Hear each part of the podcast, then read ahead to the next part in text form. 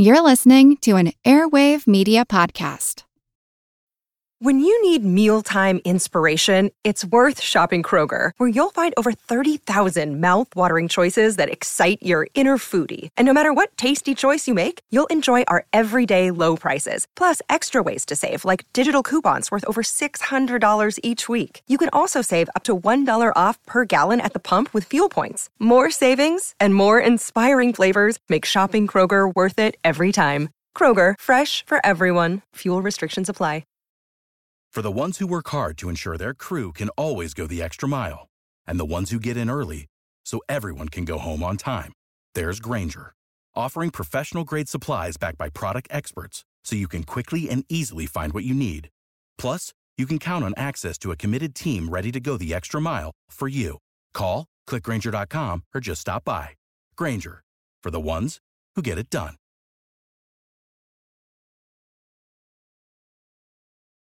This is Kick Ass News. I'm Ben Mathis.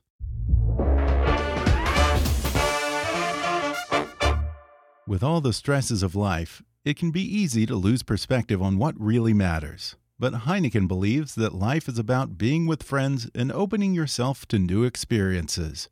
Because when you live spontaneously and embrace the unexpected, it's a chance to create new stories and connections. You just have to open it. So enjoy a refreshingly cold, full bodied Heineken lager today. With its deep golden color, light fruity aroma, mild bitter taste, and a crisp, clean finish. Cheers! And now, enjoy the podcast. Hi, I'm Ben Mathis. Welcome to Kick Ass News. When a populist wave swept Donald Trump into the White House in 2016, the media's favorite adjective of the moment became unprecedented. But in fact, America's political history is peppered with a long list of populist leaders, some of whom even made it to the presidency, and more than a few whose brief moment in the sun ended in defeat, public disgrace, and even assassination. American populism has always been home to a fascinating assortment of charismatic leaders, characters, kooks, cranks, and sometimes charlatans who have, with widely varying degrees of success, led the charge of ordinary folks who've gotten wise to the ways of the swamp. Let's face it, we're a sucker for a fellow who'll tell us whatever we want to hear, and as my guest today points out, there is something absolutely American about the notion that you, my friends, are getting screwed. He's Fox News politics editor Chris Stirewalt, and he's written a fun and lively account of America's populist tradition called Every Man a King, a short, colorful history of American populists. Today, Chris joins me on the podcast to discuss where populists and populist movements come from, how economic resentment fuels populism even in times of huge prosperity, and why the will of the people doesn't always make for great policy. He discusses why populist leaders are so prone to hucksterism and easy answers, including one politician who literally started out as a snake oil salesman and ended up inspiring a classic American novel, and why it's a good thing that he and most other populist leaders never actually had to govern.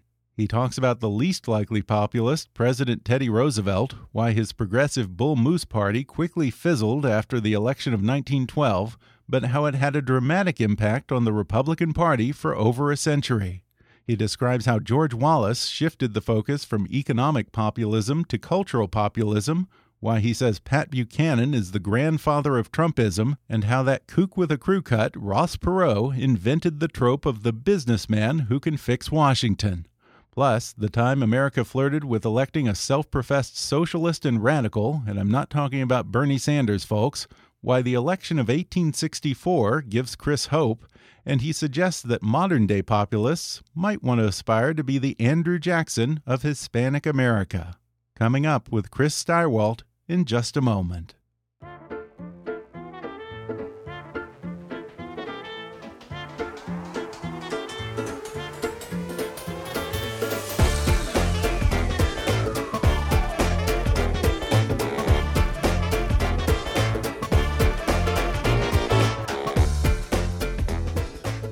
Chris Stirewalt is the politics editor at Fox News, where he authors the daily Fox News halftime report and co hosts the hit podcast Perino and Stirewalt. I'll tell you what.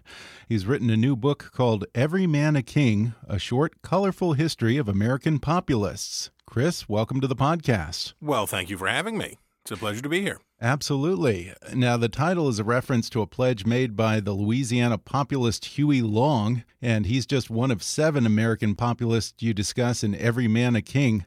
And I love the opening line to this book. Uh, you say, There is something absolutely American about the notion that you, my friends, are getting screwed royally.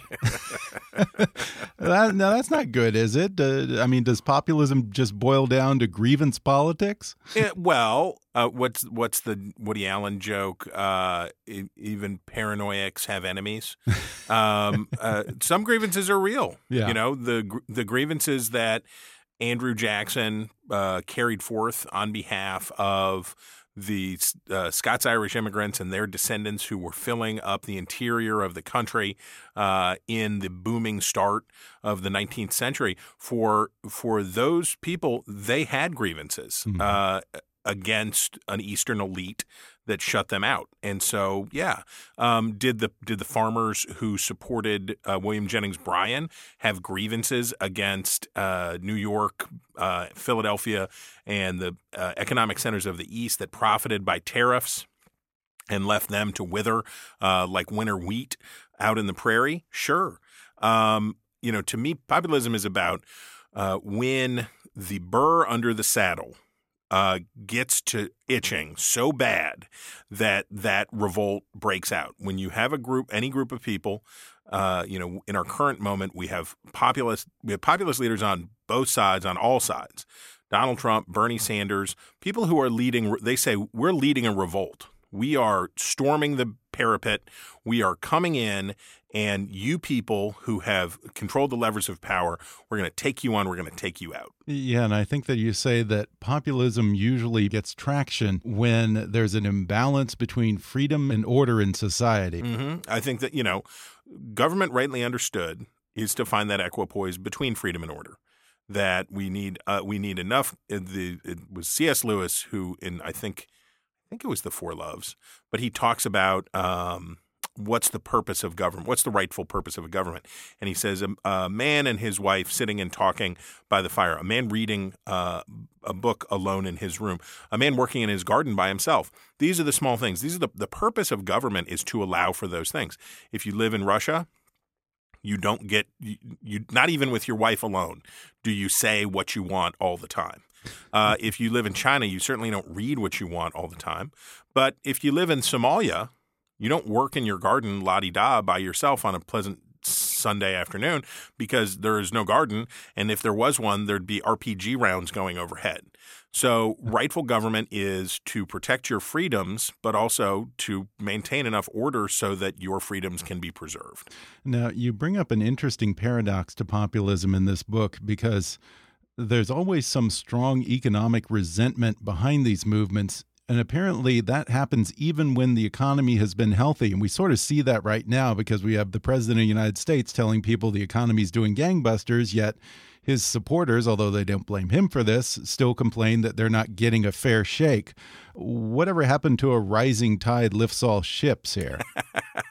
well, there's more to life than money. Yeah. Um, you know, when we look at George Wallace, the economy in 1968 was not the issue, right? We were still in 1968 in that at that point what had been the longest single period of economic expansion. Wages were had had risen. Uh, the the rising tide was lifting a lot of boats. But what were people angry about? They were angry about busing. In the South, they had been angry about integration, but in the North, they were angry about busing. They were angry about culture wars. They were angry about hippies and, as he called them, women's libbers and pinkos and cultural grievance. And let's, while there is a strong economic component to what Trump ended up running as, and what, if we recall at the end of the 2016 election, right when he was at his lowest nadir. It was post tape, post disaster. He was he had slid back down to the 30s, low 40s. It, he looked doomed, and he became willing to essentially run as a conventional Republican. Newt Gingrich and some guys got a hold of him by the lapels and said, "Sign this." This is your economic platform. Say this about these judges. And he did. And he shored up support among traditional Republicans in the suburbs. But the core of Donald Trump's candidacy wasn't about economic grievance, it was about cultural grievance. It was about uh, immigrants are changing our culture. You're not allowed to say Merry Christmas anymore. All of those things, he, he his supporters see him as their champion against a dominant culture, that they see a dominant culture in which their ways are being rejected and stepped on and taken down, and they're being supplanted by this new liberal order. Hollywood and New York, and Donald Trump is their pugilist in the ring. So it doesn't always have to be economic. George Wallace is one of the populists you cover in this book. He was kind of the father of this shift from economic mm -hmm. populism to fighting cultural change. So, is it fair to say that it was about more than just campaigning against segregation and being a racist? There was also a broader sentiment that he was tapping into at the time. What I found so fascinating about Wallace, and I had never known this before. So, Wallace was in uh, Alabama politics seen as a moderate on race when he ran for governor the first time in 1958. Really? He he had been he had a, as a judge he had a reputation as being uh, decent and fair to African American attorneys, uh, to be uh, with defendants, criminal defendants, not heaping on uh, extra harsh sentences for uh, black defendants, as was the want of most ju- of most judges in those days. Certainly, politically aspirant judges in those days, and he was even on the board uh, at the Tuskegee Institute. So he was considered moderate by Alabama standards. But then he so he runs for governor and gets crushed. And he gets crushed by an out and out bigot, segregationist scumbag. A, to, a total hate monger beats him. And he learns. And, you know, what you see again and again with these populist leaders, when is it about the movement? When is it about them? Wallace figures out, and there's a, a very dark quote um, uh, from the, that he recounted to a biographer. He ran the first time as a Huey Long or William Jennings Bryan style progressive populist. Uh, share the wealth, uh, take it from the rich people, give it to the poor people. We need better roads. We need to do all these things. So he was definitely running a populist campaign, but it wasn't racist. It wasn't expressly racist. Mm-hmm he said, I tried to talk about schools, I tried to talk about roads, I tried to talk about all the things I want. But then when I said blank, and he said the word, obviously, uh, they pounded the floor for me. Huh. And he realized that the way to power was to be a demagogue and to exploit hate and to exploit division and exploit fear. And he turned he turned the corner f- from that and and it's what's fascinating to me is so too did a lot of populism in America. Yeah. And it shifted this energy. The culture of resentment shifted from economic resentment, not everywhere. Bernie Sanders is still with us today. Um, but this emergence of this right wing populism focused on cultural grievance. You were just talking about how George Wallace kind of stumbled on to this political hot button issue that he could campaign on. And I wonder because that seems to be common among many populist politicians in America. They tend to be painted as kind of hucksters. They'll say whatever you want to hear, and it doesn't matter if they'll deliver in the end. Does that hold true across most of these seven men that you talk about in this book? Well, uh, a lot of them had were lucky that they didn't have to govern or do anything. Right. um, a lot of uh, uh, seriously, you know, Andrew Jackson and uh, got over the he got over the fence. He made it. He won. Uh, they they I won't say stole an election from, him, but they it, they pretty near did. Uh, Henry Clay, uh, the the the the electoral college was undec- indecisive and uh, it was thrown to the House, and Henry Clay gave the election to John Quincy Adams. And Jackson not only came back, he he had won the popular vote. He had won more electoral votes, um, but in a deadlock, he, they gave it to Quincy Adams. So Jackson comes back and smashes Quincy Adams four years later, and then when Clay runs four years after that, Adams smashes or uh, Jackson smashes him too. Mm-hmm. And the what's interesting in this, Jackson then has to govern. So his, for example, his hatred for the second bank of the United States how much of the economic woe, and we people don't think about this, of the 19th century and all the way really up to the Great Depression, the boom and but terrible busts. You'd have unemployment at a third of the workforce. You'd have terrible depredations. Was caused by Andrew Jackson's destruction of the Second Bank of the United States, and who felt the pain the most? Who was hurt the most? His supporters, poor people and their descendants who were when you have a financial panic, when you have a, an economic catastrophe, who suffers? The people at the margins. Um, you know, New York, uh, I'm sure the people on Wall Street, a lot of bonuses were lost in the panic of 2008. Uh, and I'm sure a lot of bad people, you know, went bust and all of that. But where it really hurt were people, middle class people living on the margins who were counting on property values to retire on and were counting on 401ks to retire on. Those were the people who really got burned. Jackson tried to be true to the things that uh, to, to, the things that he promised and tried to be true to standing up against the elites. Um, but it, as it turns out, sometimes the, the policies that they want and, and tariffs maybe turn out to be a good example of this with Trump.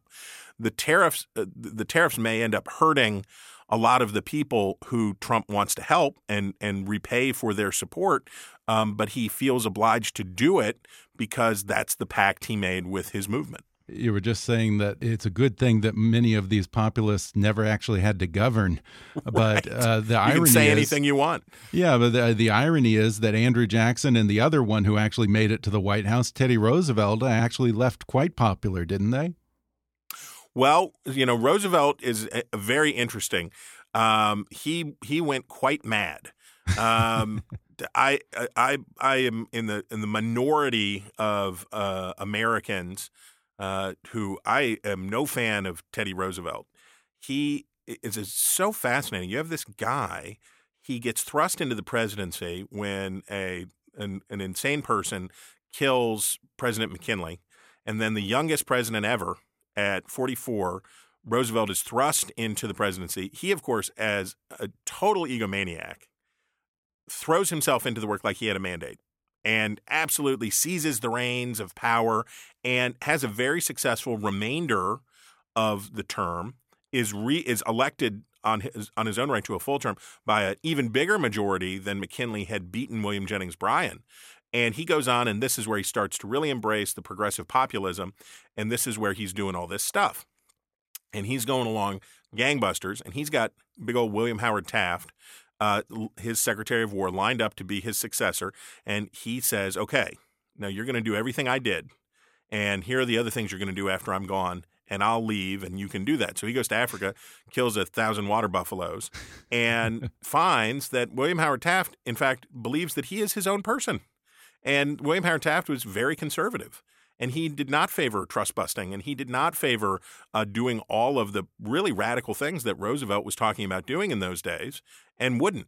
And Roosevelt comes back, and if you t- talk about hubris, talk about misunderstanding a movement for yourself, Roosevelt comes back, makes his demands, and then goes and lays out uh, when Barack Obama did basically his second term pitch, his second term economic pitch, he very intentionally went to the same town in Kansas where uh, Teddy Roosevelt laid out his square deal uh, in for the 1912 election. Right. And and uh, Osawatomie, and goes out there and lays and and Roosevelt lays out this thing that is a radical departure from even his own policies of before. He takes all, all the way to the convention in Chicago. He fights bitterly. There's violence at the state conventions. There's a serious threat of violence. Mobs are forming.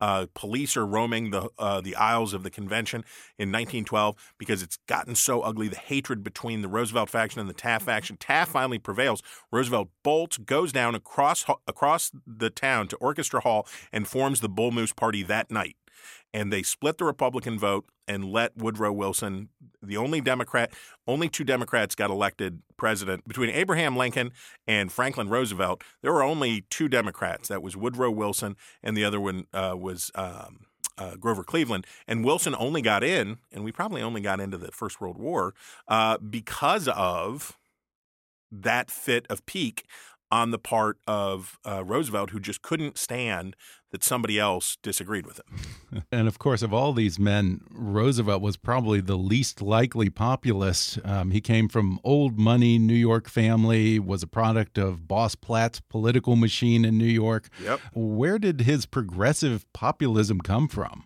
Roosevelt was so sure that everybody else was stupid his absolute conviction of his genius of his, and this is as a product of a doting mother. He had was of course he had been ill as a as a young man had asthma. And this doting father and mother and the beloved the if you read I recommend very highly David McCullough's book Morning on Mornings on oh, Horseback oh, yeah. about the young Roosevelt. Fascinating fascinating and you see where it all comes from. So here is this you could say spoiled brat, but uh, here is this person who arrives uh, in in the world richer than Croesus and and starts slashing his way through New York state politics or New York City politics and then state politics, and he is convinced that there is a correct way to do things. He and Ross Perot remind me a lot of each other. Uh, there, in their minds, there is a scientific, appropriate, correct way of doing things. There is their way, and then there is the wrong way. And you're not just wrong; you're stupid.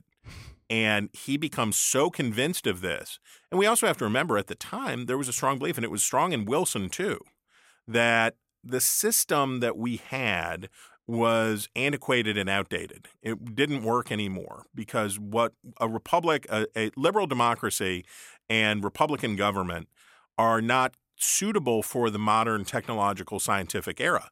They don't match up to these things. And now we have science. And people say that even now. Well, the data says, this says. Well, here's what we do know human beings are uniformly bad at predicting the future. And whenever anybody says, I have the right answer, and this is the way, going back and getting to listen to Ross Perot talk about how Japan and Germany were going to conquer us economically and rule the world, you're like snorting so hard. It, you, it's so funny yeah. to hear all these people in 1992, oh, yes, Japan is going, we will be the vassals of Japan. You're like, oh my gosh. yeah, Perot was a surprising populist as well because it's hard for me to imagine populist voters getting behind this sort of wonky IBM suit and tie guy with a bunch of charts and graphs. Well, but the the magic is there. The same magic is there in that he told you you were getting screwed.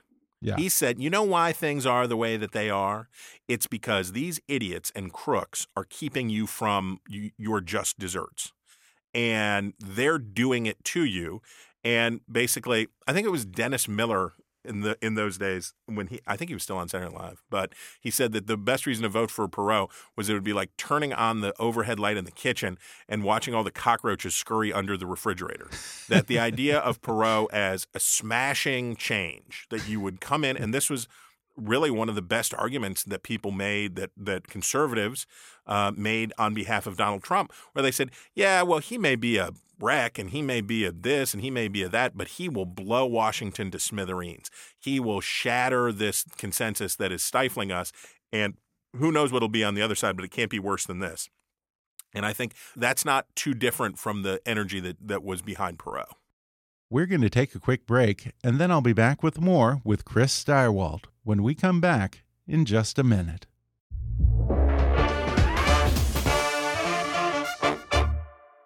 Are you looking for expert coverage and analysis of the NFL this season? Look no further. NFL Podcasts has you covered. Interested in the latest news from around the league? The Around the NFL podcast crew has exclusive access to industry insiders and team personnel, allowing you, the listener, to feel in on all the action. Perhaps you'd like to hear more of your favorite analysts and players break things down on and off the field. Then don't miss out on the Dave Dameshek football program as Dameshek and his guests operate on a strict no jive policy. Only honest, unfiltered opinions allowed. Maybe you're more devoted than the average NFL fan? If so, be sure to catch the Move the Sticks podcast, hosted by former NFL scouts Daniel Jeremiah and Bucky Brooks.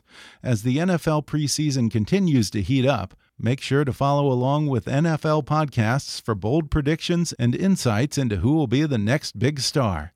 Subscribe now to Around the NFL, the Dave Dameshek football program, and Move the Sticks on your favorite podcast app or NFL.com. Hey, folks, here's some advice for anyone who sends emails to their customers. You deserve a better email marketing platform. one that's actually designed with your type of organization in mind. And unlike other email providers, Emma puts its customers first, offering powerful email marketing with a personal touch. With Emma, you'll have everything you need to connect your data, build your audience, and do your most successful marketing ever. Because their easy to use platform makes advanced functionality accessible to everyone on your team, no technical skills required. You can even connect Emma with the services you count on to run your business, like Salesforce and Google Analytics. Not to mention, Emma's award winning team is always ready to support you on your email marketing strategy, design, list migration, and more. So put the power of email experts behind your marketing. Request a customized demo of Emma's email marketing platform today at myemma.com. Again, that's myemma.com. Today's podcast was sponsored by Espresso Monster. That's right, now the guys behind Monster Energy have a delicious espresso drink for when you need an extra burst of energy but don't have time to wait in line at a coffee joint. Espresso Monster is a premium blend of smooth espresso and cream packaged in an 8.4 ounce can. It's just the right size and perfect for when you're on the go. Each can has three shots of espresso blended with European milk just the way the Italians do. At 150 to 160 milligrams of caffeine per can, it's sure to give you the energy you need to conquer the day.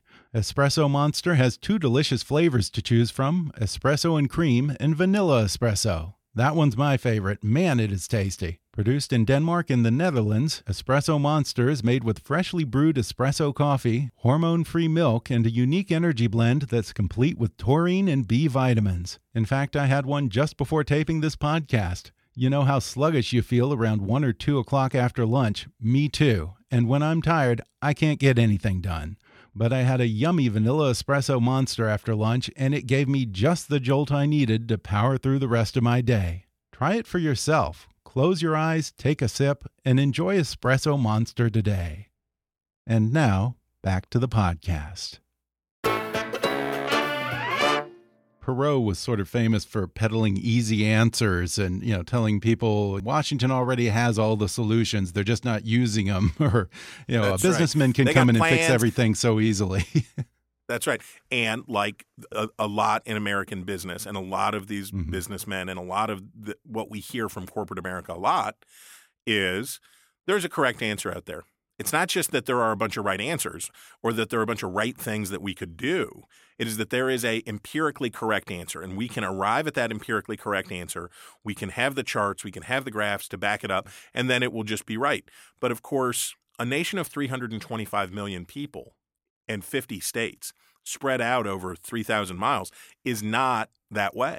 Mm-hmm. And you the the the tantalizing belief for Americans is always that there's some correct setting where we can set the dials and then everything will just hum along in perpetuity. Mm-hmm. You know, when we think about what 9/11 did to us, the belief the the strong belief among Americans in 2000 or so was history's over, the Cold War's won, the future is just going to be about getting richer um, and and this is the way it's going to be.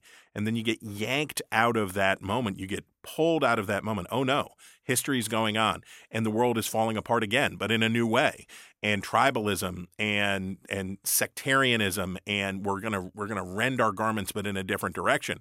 The Americans have, especially Americans who are more affluent, have a strong desire to believe that there is a correct and optimal setting. What is correct and optimal in America is a system that allows that balance always between the elites and the populace, always between freedom and order to keep pushing, pushing, pushing back and forth, back and forth, back and forth, because it's in that back and forth that we can correct, then we overcorrect, and then we come back the other way, and we keep turning it, moving it, moving. It's like sailing a ship into the wind. The breeze changes, the water changes, the conditions change. You have to keep moving the sail. We have a system that lets us do that. And oftentimes, indeed, it seems that the Constitution and populism are at odds. Sure.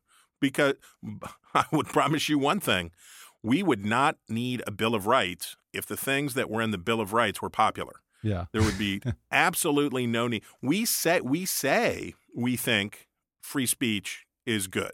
We say that, but we had to write it down because, as it turns out, it's not really popular. Censorship is popular. Don't let him say that. He shouldn't be allowed to say that. Please stop him from saying that. It's popular with governments too. Don't don't do that. Don't assemble over there. Don't talk about that. It'll be China. I very often, maybe not very often, I sometimes hear politicians yearn for the system they have in China. Um, I hear politicians, I hear people like Tom Friedman from the New York, the New York Times columnist and author, talk about it, and it's like, well, duh. Of course, it's simpler if you can control what people say, read, and do. duh. We have, but that's why we have a constitution so that the the rights of these individuals will not be infringed upon by the government. That Bill of Rights, that charter, our Constitution, and and the Bill of Rights taken together are to protect the hard and unpopular things. Mm-hmm. You don't need to write it down if it's going to be popular anyway. Yeah, and I think you say that government operates best when it operates slowly, which of course makes me think of the Senate and the House and the whole teacup saucer analogy. Um, you know, here in California, we're a good example of how poorly that kind of direct government works because every election you've got a dozen or more ballot initiatives, and some oh, yeah. of them can get pretty kooky and maybe are reflections of the prevailing attitudes of the moment, but may not be smart policy long term. Well, as I write about in the book, you say to somebody, "Would you like uh, lower taxes or more spending?" And they say, "Yes." no, no, no. You have to choose. No, no. I'll take both of those things. You know, uh, this week the federal government is back to a trillion dollar deficit. Um, because you say, well, do you want big defense spending? Uh huh. Do you want tax cuts? Yeah. Uh, do you want to not ta- uh, change uh, entitlement programs? Yeah, leave those alone. Okay, well, now you're going to spend trillions of dollars more than you can afford. And it's it, it is yeah. an unavoidable truth, but if you the per, the point of our system of government is not to give the people what they want, but to make it possible so that the needs of the people and the will of the people can be heard and have an effect over the longer term inside the system. That's why we have a House versus a Senate. That's why we have an executive branch that is elected through the Electoral College. That's why we have a Supreme Court that is appointed for uh, th- their lifetimes. Can I just say one other thing about that? If you want to know one of the reasons that our system is not working right now and the deficiencies and the frustrations we have, our legislative branch, our Congress has weakened itself perniciously for the past 50 years. We don't have a Congress to speak of, not in the not in the sense that we once did. They refused the power to make war. They refused the power to regulate. They have handed that off to administrative agencies in the executive branch. They just want to hold televised hearings, raise money, and run for reelection. And they don't want to. And they don't want to talk about things that are hard. They don't want to deal with abortion. Mm-hmm. They don't want to deal with Me Too stuff. They don't want to deal with. Nope. Don't leave it for the courts. Leave it for the executive branch. We don't want to do it. As a consequence, the demands of the people don't have any place to go, and we are ending up with more demagogic and more. Um, authoritarian, I guess that's what I'd have. Maybe that's not the right word, but you have seen the trend. Bush, Obama, and Trump more executive power, mm-hmm. wield to act, somebody's got to act. As George W. Bush said, uh, when people are hurting, uh, government's got to move, and by that he meant he's going to move. And Obama, I have a pen, I have a phone, and Trump, basically, you know, change the rules of the Senate so that I can pass whatever I want whenever I want it. And if you won't do that, I'll do it by legislative fiat because we're just going to do it and smash through all these things. That is when we think about what kills a republic and when we think about what kills the freedom of the people, nothing is worse than when the tr- uh, Huey Long said, wouldn't it be, I'm going to butcher this quote, but wouldn't it be something like a dictatorship if the will of the people were perfectly represented at all times. he was accused of being a dictator, and he said, Oh, yeah? Well, wouldn't it be like a dictatorship if the will of the people was met all of the time? Of course, I'd be like a dictator because I'm going to give the people what they want every time. I'm going to say, What do you? And Ross Perot had the idea of televised town halls where people could push a button to vote on what to do direct democracy and say, okay, I'm not a dictator because the people have all 51% of the people have agreed that we are going to confiscate the property of 20% of the people, or 51% of the people have agreed that we are going to reinstitute Jim Crow laws, or 51% of the people have agreed on whatever. The tyranny of the majority is the enemy of freedom. Populism is good when it is breaking up the ice pack that surrounds Washington and New York. Uh, and LA now too, but and Silicon Valley. But these centers of power where the pe- where people and wealth accumulate in these large numbers, it is good that there is a threat against them, and it is good that there is a check on their power. When it crosses over into the tyranny of the majority the, and, and pure majoritarianism, then it's it's just tyranny by another name. Huey Long, you know, he was one of the rare politicians who actually got pretty far by embracing the label of a socialist, an authoritarian, and a radical. If it hadn't been for the Great Depression, do you think that he would have had such a political ascent? Well, Louisiana was still he would he would have at least gotten to the Senate. Uh, he could have gotten to the Senate from Louisiana uh, because the Louisiana was so poor and so and so crooked back in those days yeah. that uh, they the depre- depression or no depression, uh, the good people of uh, Winnfield and Winn Parish, Louisiana, they were going to be poor no matter what. But I, I do think you're quite right. 1935 was a very low watermark for this country, and ideas about fascism, uh, was not a, fascism was not a dirty word. Um, we know that the American Nazi Party, for example, uh, on the even on the day that Pearl Harbor was bombed, claimed a couple hundred thousand members. Uh, Huey Long claimed seven million members in share our wealth societies across the country. Father Coughlin uh, preached anti-Semitic, vicious nasty stuff on the radio and had millions of listeners and millions of followers because when times are hard and people are frightened they are willing to they are willing to listen to authoritarians in ways that they are not under normal circumstances because they say I want protection and I want even if he's a bad guy, I want him to be a bad guy for me. Yeah, and it's interesting because, you know, at a time when we're talking about wanting to drain the swamp, here you have a guy who was a product of the swamp, both metaphorically and literally, growing up in Louisiana.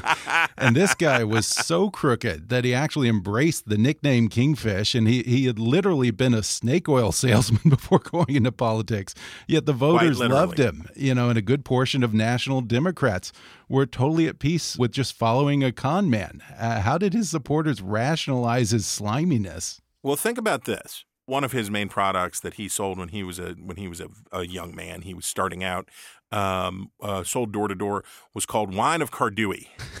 and Wine of Cardui was or Cardui was supposed to be a uh, was to heal to to cure the derangements of women uh, at, the, at, at a certain time of the month, mm-hmm. uh, and to address the questions of a fallen womb, and uh, and all of this stuff and they sold it that way. Now, what it really was was 40 proof wine. Uh, it was hooch, and it had some thistles and bark and you know whatever in it, but it was it was it was hooch mm-hmm. in a in a dry county in a in in the days of prohibition. But this was a legal way that you could sell booze. How many of the women who bought Huey Long's wine of Cardui from the Chattanooga Patent Medicine Company, how many of them who bought it knew exactly what this was? That they knew that this was a socially acceptable, legal way for them to buy fortified wine and keep it at home. Uh, and their husbands sure weren't going to say anything about it, uh, lest their derangements not be cured anymore. Uh, so for the ba- when you're dealing with a con man, when you're dealing with a huckster, you know how many how many of Donald Trump's supporters know that the stuff, some of the stuff he says, just isn't true? Mm-hmm. How many of them know it's not true and they laugh and don't care? And it doesn't bother them because he's goring somebody else's ox. When Donald Trump says, "What he, this is this is this is the first time in hundred years that GDP has been higher than unemployment," Well, that's not true, but they probably don't care because he's their guy. He's doing it for them, and they just laugh and say, "Oh, Trump, he's cra-. when Trump tweets, when Trump does the stuff that that swing voters or persuadable voters get very uncomfortable with, when his personal actions, behavior, and attitude and uh, sometimes distant relationship with the truth uh, upsets those voters. The people who feel that he's on their side and doing it for him, they say, yeah, well, whatever, shut up. and I, I think that for a lot, I'm sure there were people who were absolutely conned by Huey Long. I'm sure there were people who absolutely thought that he was just a sweet angel of a man uh, who was out there uh, fighting hard to try to help the, the little folks.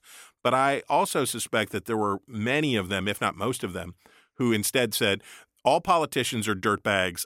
I got a dirtbag here who at least at least punches the right direction. You rarely hear a populist politician utter the words "you can't have what you want" or "it's not within my power." Is it Right. fair to say that populists generally aren't very good at tough love? They are not because if we believe that the people are to rule, so what a republic our system of government says not that the people rule but that all rightful power descends from the public, right? This is a tr- that we are in a trusteeship with our government that we have empowered the government and it is our pro- it acts as our proxy. The, the power is derived from the will of the people, but the decisions do not derive from the will of the people. But if you say whatever the people want, the people should rule, you can't then say, uh, except for on that, uh, except for there. When I think about, you know, in the conclusion of the book, I talk about the election of 1864 and Abraham Lincoln and you know the miracle of Abraham Lincoln, and at a time where if we were ever going to have a true out and out demagogue uh, Yeah. and an authoritarian, Abraham Lincoln was set for it perfectly. He had everything he needed, but they called that election in 1864, and remarkably, amazingly, Lincoln did not ever flinch from the work. He did not say, "And if you act now, we'll end the war next week, and no one else will have to die, and slavery will be abolished anyway, unless you don't want it to be, and then it's fine, and see you later." he said, "We have this hard work to do. We have this bad hard work that we have to do, and we mean to finish it." Uh, and you know, if you read his um, second inaugural, and you think about the what that what he was saying, what he was talking about, the the the brutal work of that war almost concluded, and a promise to keep doing it if necessary, and then even more astonishingly to say, but we are going to forgive the rebels. We are going to forgive our countrymen who, in treason, in revolt, we're going to forgive them. We're going to bind up our wounds, and we're going to be one country again. None of that should have been popular. But great leaders don't just ride populist waves. They enlarge the human spirit. They enlarge the human mind. They live up to the standards of men like Lincoln, of, of, of people like George Washington, and other leaders who didn't just say, um, I'll give you whatever you want if you just put me in charge. What they say is, there's a right place to go, and I want you to come there with me. Well, this may be a somewhat strange segue, but I might point out that of these seven populist politicians, better than half of them were victims of assassinations or attempted assassinations.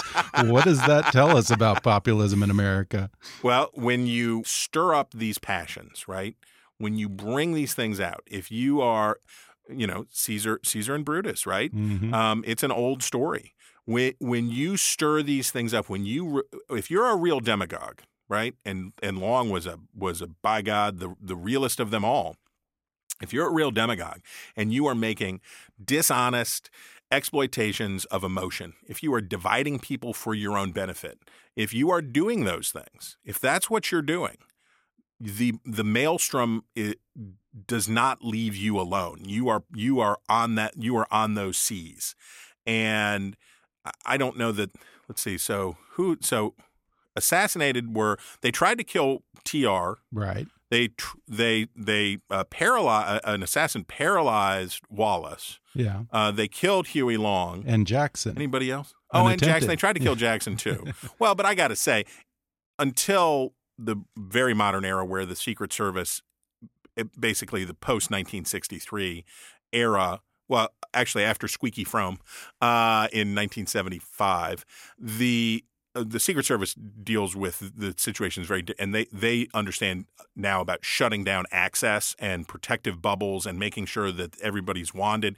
The amount of security and the way that they protect the president now is very different than the way it used to be. But doing the math, and we could we could figure it out pretty quickly. I'm tr- I'm trying to. Th- I don't think anybody tried to kill Jimmy Carter, but other than that, every you know they all everybody got to try. So if you get elect if you got elected president, uh, pr- everybody prior to George W. Bush, they all got a shot. They all got a sh- they got shot at, or somebody tried to stab him, or run him over with a car or a Yeah. carriage or something. Yeah, and in the case of Jackson, you might have wanted a protective bubble to protect the assassin. and he was old too. When the guy came after him, and uh, he had he, his pistol misfire, his pistol jammed. Man, if you come to kill Andy Jackson, I don't care if he's seventy years old or not, you better get the job done because he. I mean, picture that: the president of the United States, his cane out, his walking stick out, bludgeoning in the head his would-be assassin. Now that. That is street cred. and, and, real quickly before we go, you say that the populist leaders of today shouldn't be asking who will protect the white men in America, but who will be the Andrew Jackson of Hispanic America. Well, and I don't know that that's a question for Republicans so much as it is uh, right. us as observers of the news, as analysts. You know, the next wave of populist energy is probably going to look a lot more like Alexandria Ocasio Cortez mm -hmm. than Donald Trump. And Andrew, ja- the miracle, the the the thing about Andrew Jackson is he was the product of an immigrant wave. His parents were immigrants, penniless immigrants. His father was probably probably died a squatter. We don't know for sure, but he probably died squatting on land that wasn't his. Uh, and Andrew Jackson became the first governor of Florida, the first senator from Tennessee, uh, won the Battle of New Orleans, became president of the United States, built a massive fortune, did all of those things. For Hispanic Americans now, which represent the most recent huge wave of immigration, basically mid 80s to 2010, millions of Americans, among them and among their children and grandchildren, who will rise? Who will rise and be the leader of a populist revolt uh, on their behalfs? Because it's out there, and and it, we would be wise to be watching. Yeah. Again, Chris's book is called "Every Man a King: A Short, Colorful History of American Populists." I really enjoyed it. Chris Stirewalt, Thanks for joining me. You were very kind and generous. I really appreciate this time. Thanks again to Chris Stirewalt for coming on the podcast. Get his book, Every Man a King A Short, Colorful History of American Populists, on Amazon, Audible, or in bookstores. Subscribe to his podcast, Perino and Stirewalt, I'll Tell You What, on Apple Podcasts or wherever you like to listen, and follow him on Twitter at, at Chris Stirewalt you deserve a better email marketing platform. And unlike other email providers, Emma puts its customers first. It's powerful email marketing with a personal touch. Their award winning team is always ready to support you on your email marketing strategy, design, list migration, and more, so you'll have everything you need to do your best email marketing yet. Request a customized demo of Emma's email marketing platform today at myemma.com. Again, that's myemma.com. Today's podcast was brought to you by Espresso Monster. When you need energy on the go and don't have time to wait in line, grab Espresso Monster. Espresso Monster is a premium blend of espresso and cream made with freshly brewed espresso coffee, hormone free milk, and a unique energy blend complete with taurine and B vitamins. Each can has three shots of espresso and comes in vanilla espresso or espresso and cream. I wouldn't even be recording this podcast right now if I hadn't had a vanilla espresso monster after lunch today. It's delicious and it was just the jolt I needed. Try for yourself, folks. Close your eyes, take a sip, and enjoy Espresso Monster today. If you haven't already, be sure to subscribe to Kickass News on iTunes and leave us a review. You can follow us on Facebook or on Twitter at, at KickassNewsPod. And as always, I welcome your comments, questions, and ideas at comments at kickassnews.com. I'm Ben Mathis, and thanks for listening to Kickass News.